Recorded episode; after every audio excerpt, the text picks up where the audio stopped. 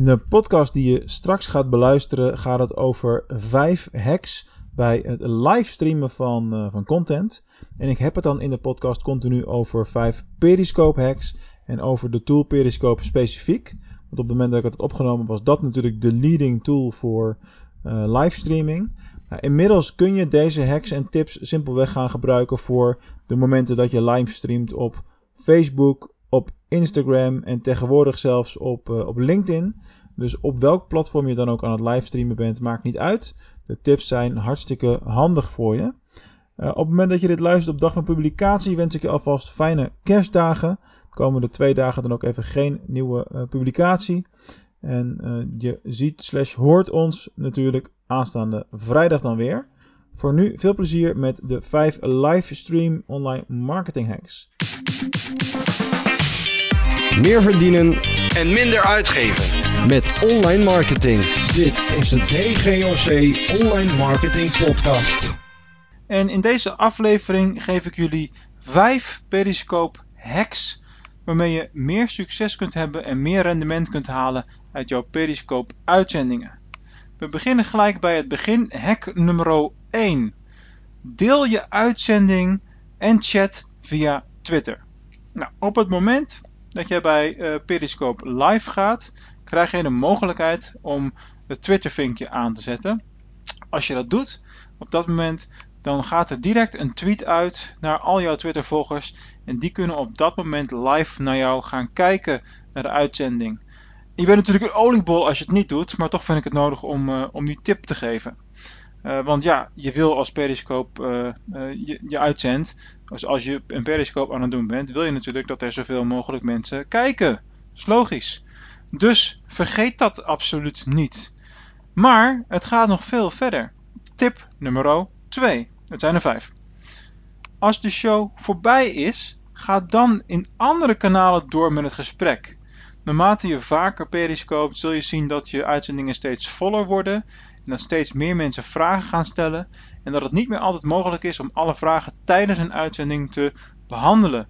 Probeer dan ook tijdens een uitzending mensen te motiveren om na afloop verder met jou in gesprek te gaan, bijvoorbeeld op Facebook of op Twitter. Nou, dat soort gesprekken nemen vaak ook weer zijn eigen uh, beloop. Die, die, gesprekken worden door anderen weer gezien, worden gedeeld, worden gevolgd. Nou, hierdoor neemt jouw bereik alleen maar verder toe. Dan tip nummer 3. Vergeet niet om je Periscope uitzending op te slaan. Het is een mogelijkheid tegenwoordig om hem op te slaan, automatisch op te slaan of in één keer door te publiceren direct automatisch naar de uitzending uh, door middel van Catch. Dus zoek dat een keertje uit, mocht je dat interessant vinden, Catch. Maar opslaan en publiceren is natuurlijk heel erg logisch. Zelf publiceer ik al mijn Periscope uitzendingen. Oké, okay, 8 van de 10. Sommige uh, publiceer ik overigens uh, niet. Als het een, iets is van tijdelijke aard bijvoorbeeld. Uh, of voor een specifieke doelgroep. op het moment dat je publiceert kun je denken aan YouTube, aan Facebook, maar ook aan Vimeo of zelfs Vine. Dus net waar jij jouw doelgroep vindt, of liefst natuurlijk alle kanalen, zodat men ook langer dan 24 uur kan terugkijken naar jouw uh, aflevering, naar jouw uitzending, en zodat je dus ook op lange termijn bezoek en traffic daaruit kunt, uh, kunt halen. Goed, dan tip nummer 4. Dit is echt een hele, hele, hele belangrijke tip en een uh, gouden tip denk ik ook wel. Um, promote je replay op het moment dat je Periscope uitzending achter de rug is, en dit is echt een tip om je publiek sneller op te bouwen. Als je Periscope uitzending achter de rug is, ga dan direct naar Twitter um, en plan 2, 3, 4, afhankelijk van het onderwerp, tweets in voor de 24 uur daarna. Een Periscope uitzending is altijd maximaal tot 24 uur na afloop uh, nog te zien op Periscope zelf. Natuurlijk kun je daarna ook verder promoten op de andere kanalen, maar je wil in eerste instantie dat zoveel mogelijk mensen de replay op Periscope zelf bekijken. Dit heeft meerdere redenen. Ten eerste, dan hebben de mensen de mogelijkheid om je daar te gaan volgen en dus een pushbericht te krijgen op het moment dat je live live gaat. Dat wil je dus zeker weten. Uh, en ten tweede kunnen mensen dan achteraf nog in jouw uitzending uh, hartjes geven hartjes die bepalen de populariteit van je uitzending en bepalen hoe hoog jij komt te staan uh, in de rankings op het moment dat Periscope uh, of mensen in Periscope aan het bladeren zijn. Dus het is heel belangrijk om zoveel mogelijk mensen ook achteraf nog naar die uitzending te sturen. Er zijn maar heel weinig mensen die dat, uh, die dat doen. Dan de vijfde Periscope hack tip. En dat is echt een tip die ja, meer en meer waard begint te worden. Steeds meer bedrijven, steeds meer uh, partijen plannen hun berichten op sociale media in.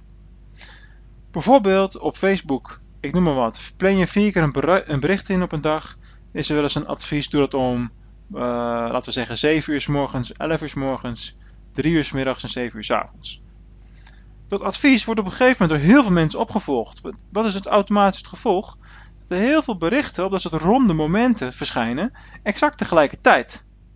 Ja, dat heeft er uiteindelijk natuurlijk een verzwakt effect, want er zijn veel minder mensen die al die berichten te zien krijgen. Dat is logisch. Dus het is veel logischer om tussen al die intervallen in te gaan zitten. Dus publiceer waar mogelijk jouw berichten op minuut 2, 3 en 4. Dus in de interval van 5 minuten op een klok. Ga zitten op bijvoorbeeld 2 over 7 of 4 over 4, dat soort tijdstippen. Dan zul je altijd zien dat er minder berichten worden geplaatst en dat je dus een grotere kans hebt om uh, op te vallen en om gezien te worden. Nou, het inplannen van dat soort berichten kan met verschillende soorten tools. Uh, denk aan een Hootsuite, denk aan een uh, ManageFlitter en dat soort tools waar het gaat om, om Twitter. en bij Facebook kun je natuurlijk ook berichten inplannen bij, bij Facebook zelf. Eh, ik heb begrepen dat het bij Twitter tegenwoordig ook kan, maar dat die functie wel heel goed verstopt zit. Dat zal ik voor een toekomstige uitzending nog eens uitzoeken. Goed, dat was de content voor vandaag. 5 Periscope hacks. Uh, ik hoop dat jullie er wat aan gehad hebben. Uh, doe er wat mee. Haal er het maximale uit voor jezelf.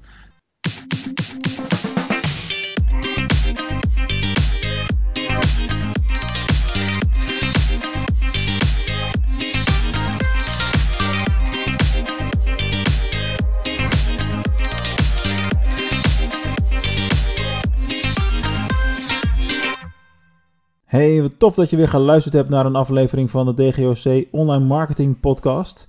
En zoals ik de afgelopen anderhalve week al heb verteld, hebben wij de reviews zeker bij deze relaunch van de podcast heel erg hard nodig. Ik zie dat de eerste reviews al aan het binnendruppelen zijn, waarvoor mijn ongelofelijke dank. Dat is echt super belangrijk en super waardevol.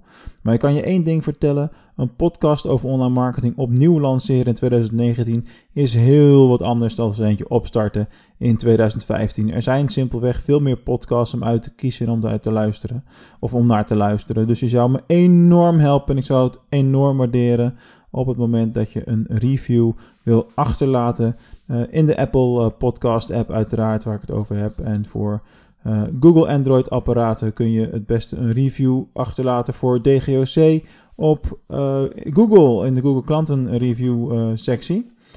in ieder geval hartelijk bedankt nogmaals en tot de volgende.